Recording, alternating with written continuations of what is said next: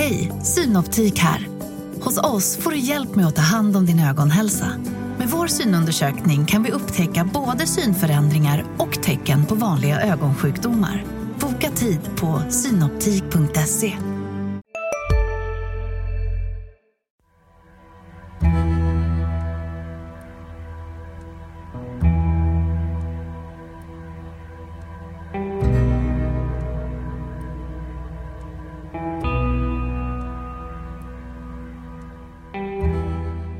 Du lyssnar på Studio Krim och det är den 20 mars idag när vi spelar in. Mitt namn är Ricardo Burrows. Jag är reporter på LT och gör den här podden tillsammans med Torbjörn Granström som är LTs krimreporter.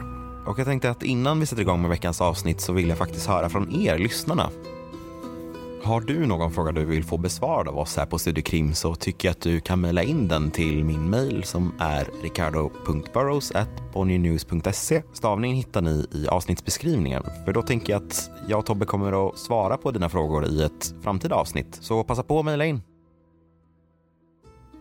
Och med det avklarat så tänker jag att vi ger oss in i veckans avsnitt. Um, vi kommer att köra ett litet svep över de senaste händelserna i den kriminella världen i Södertälje. Och vi börjar med gripandet eh, av en person eh, efter mordet på 30-åringen i Flemingsberg. Det stämmer. Det var ju ett mord den 7, eller natten mot den 7 mars.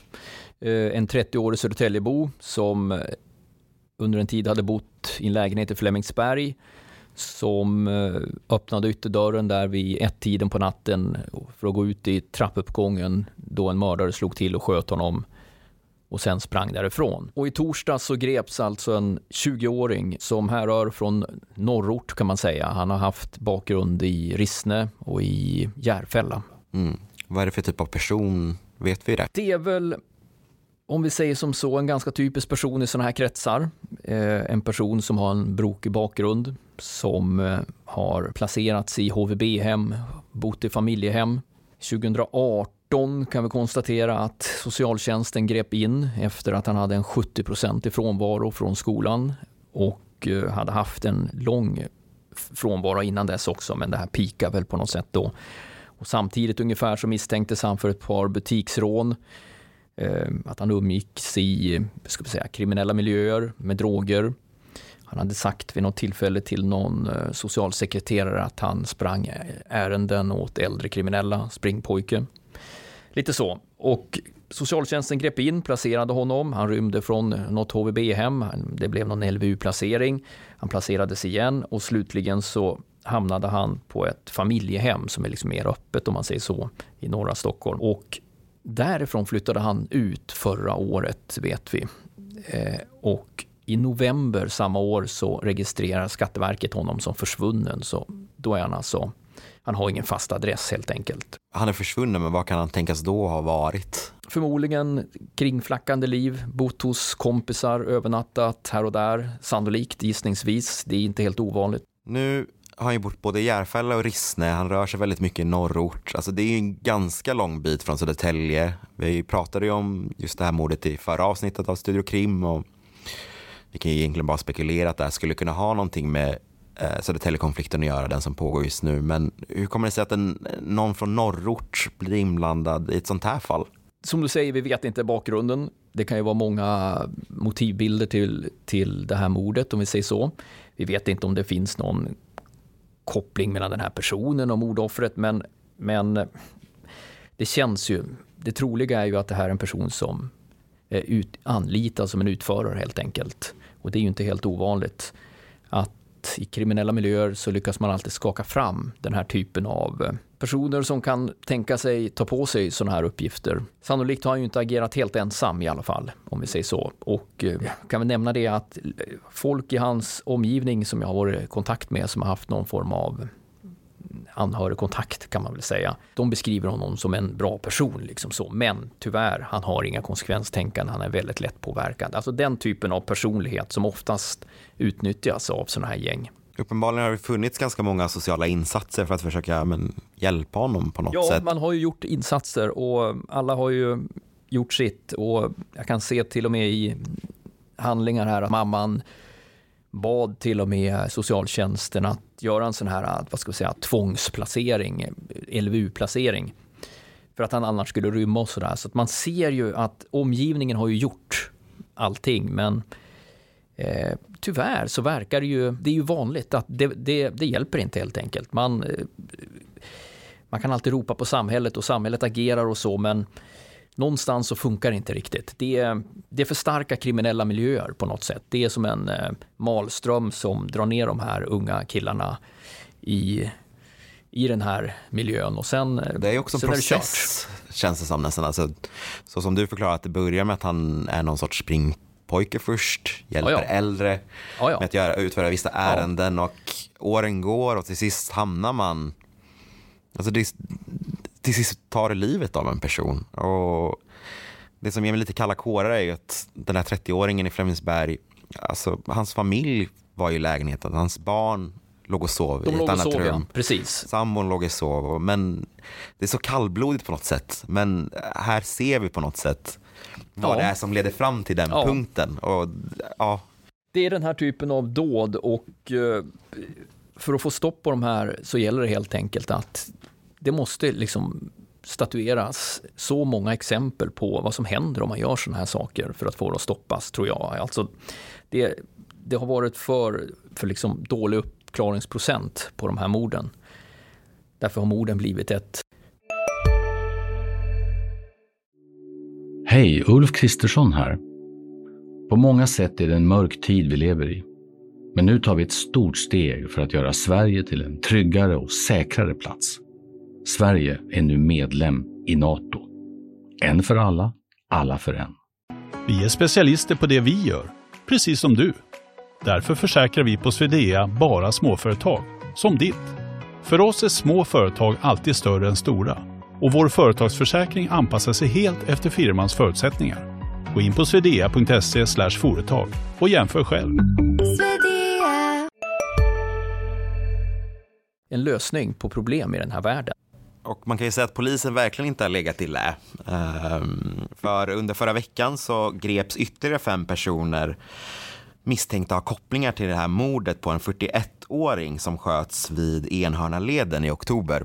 Um, den första oktober, ja. Den första oktober när konflikten ja, men brann väl som, som hetast här i Södertälje. Ja, det mordet blev ju väldigt uppmärksammat just därför att uh, han inte hade någon som helst koppling till någon av de här falangerna utan för offer ändå helt enkelt. Och eh, vi kan väl konstatera att, som du säger, de grep fem ytterligare personer misstänkta för eh, medhjälp till mord, eh, allt ifrån medhjälp till skyddande av brottsling och underlåtenhet att berätta om mordet fast de har suttit inne med kunskaper. Tidigare så sitter det också sex personer häktade i det här målet.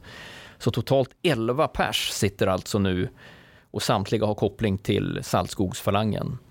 Så det är klart att det har skapat, eh, det har kylt ner läget såklart där ute.